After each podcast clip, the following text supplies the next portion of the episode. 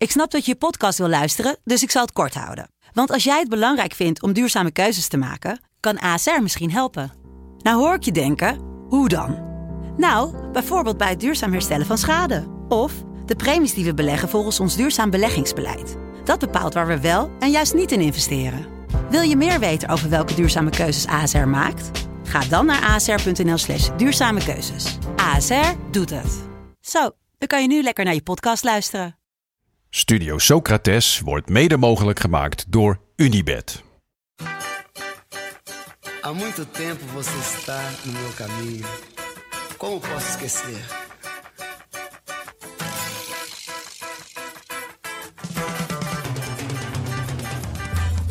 Welkom bij Studio Socrates Tipt. Elke woensdag kijken we een memorabele wedstrijd in zijn geheel terug. Afgelopen woensdag was dat Brazilië-Frankrijk op het WK 2006. Luister die aflevering vooral nog terug.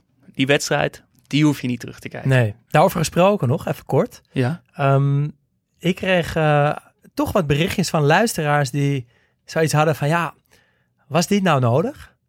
Om ons zo uit die droom te halen van Zidane?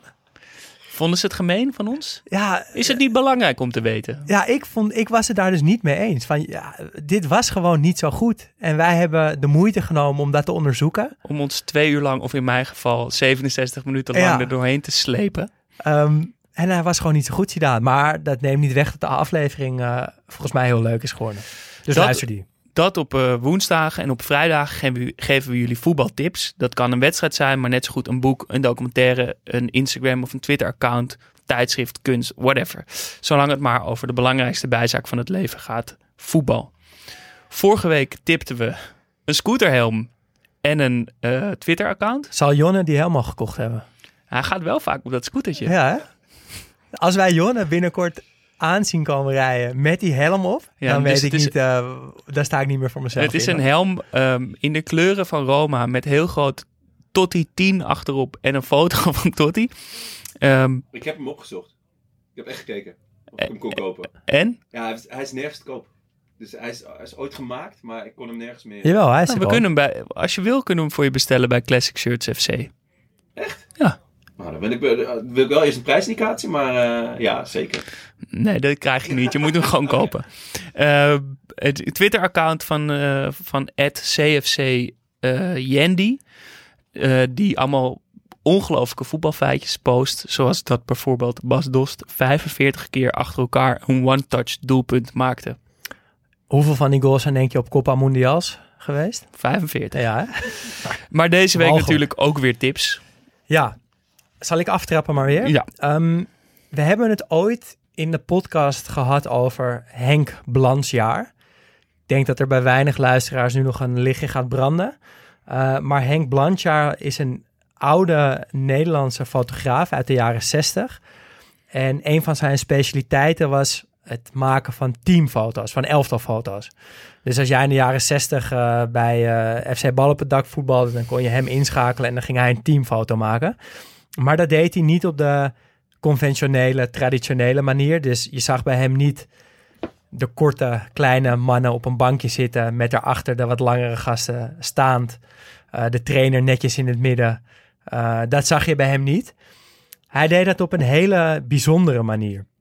Hij zette teams bijvoorbeeld uh, ja, in een rondje op paarden op de foto. Maar wel in hun voetbaltenu. Uh, of in de gymzaal. Uh, in het klimrek. In het klimrek, ja. Of op een trap. Of in een soort van hele gekke kantoorruimte. Of midden in de natuur. En dat of zijn allemaal in de schoolklas. plekken die iets met die, dat team te maken hebben. Ja, vaak wel. Um, dus er zit vaak een heel mooi verhaal achter. Uh, zoals bijvoorbeeld Wageningen in 1964 gefotografeerd op de Wageningse berg. Um, maar buiten die verhalen zijn het ook echt hele mooie foto's. Uh, en is het voor mij eigenlijk... Ja, ik zat te denken, waarom zijn die teamfoto's altijd zo oerzaai? Gewoon in het stadion of op het trainingscomplex. Altijd maar weer hetzelfde. Dat moet beter kunnen. Uh, Henk Blanchard heeft dat dus in de jaren 60 al heel vaak gedaan.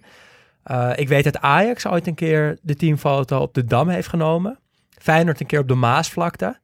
Maar er moeten meer van dat soort foto's uh, boven water te, ja, te halen zijn. Dus als, als de luisteraars nog iets kennen van dat soort foto's, stuur het vooral in. En als er teamfotografen luisteren, Google verdomme Henk Blanchard. Kijk hoe hij het deed.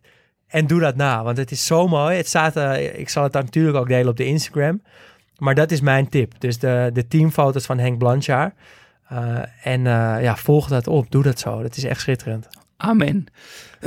mijn tip is een beetje, een beetje naar binnen gericht. Wij van WC Eend. Ja, zoiets. ja, wij van, van Studio Socrates tippen Studio Socrates. maar dat komt omdat ik zelf namelijk laatst heel erg van genoot. We hebben namelijk op de eerste afleveringen die we maakten, stelden we onszelf steeds een vraag. In het eerste seizoen? Ja, ja. het eerste seizoen. En dan stelden we onszelf een vraag. En dat vroegen we dan ook aan de luisteraars. En al die antwoorden namen we mee in de uitzending. Wat voor soort vragen? Dat waren bijvoorbeeld, wat is het beste voetballiedje? Of wat is het mooiste trucje ooit gedaan op een veld? Of wat is de mooiste manier van juichen? Um, en vervolgens zochten we dan daar alle beelden bij op. En die zetten we in een grote compilatie. En uh, ik was het een beetje vergeten, maar we hebben op onze Instagram hebben we, de, hebben we die stories hebben we gehighlight. Dus die staan nog op ons account.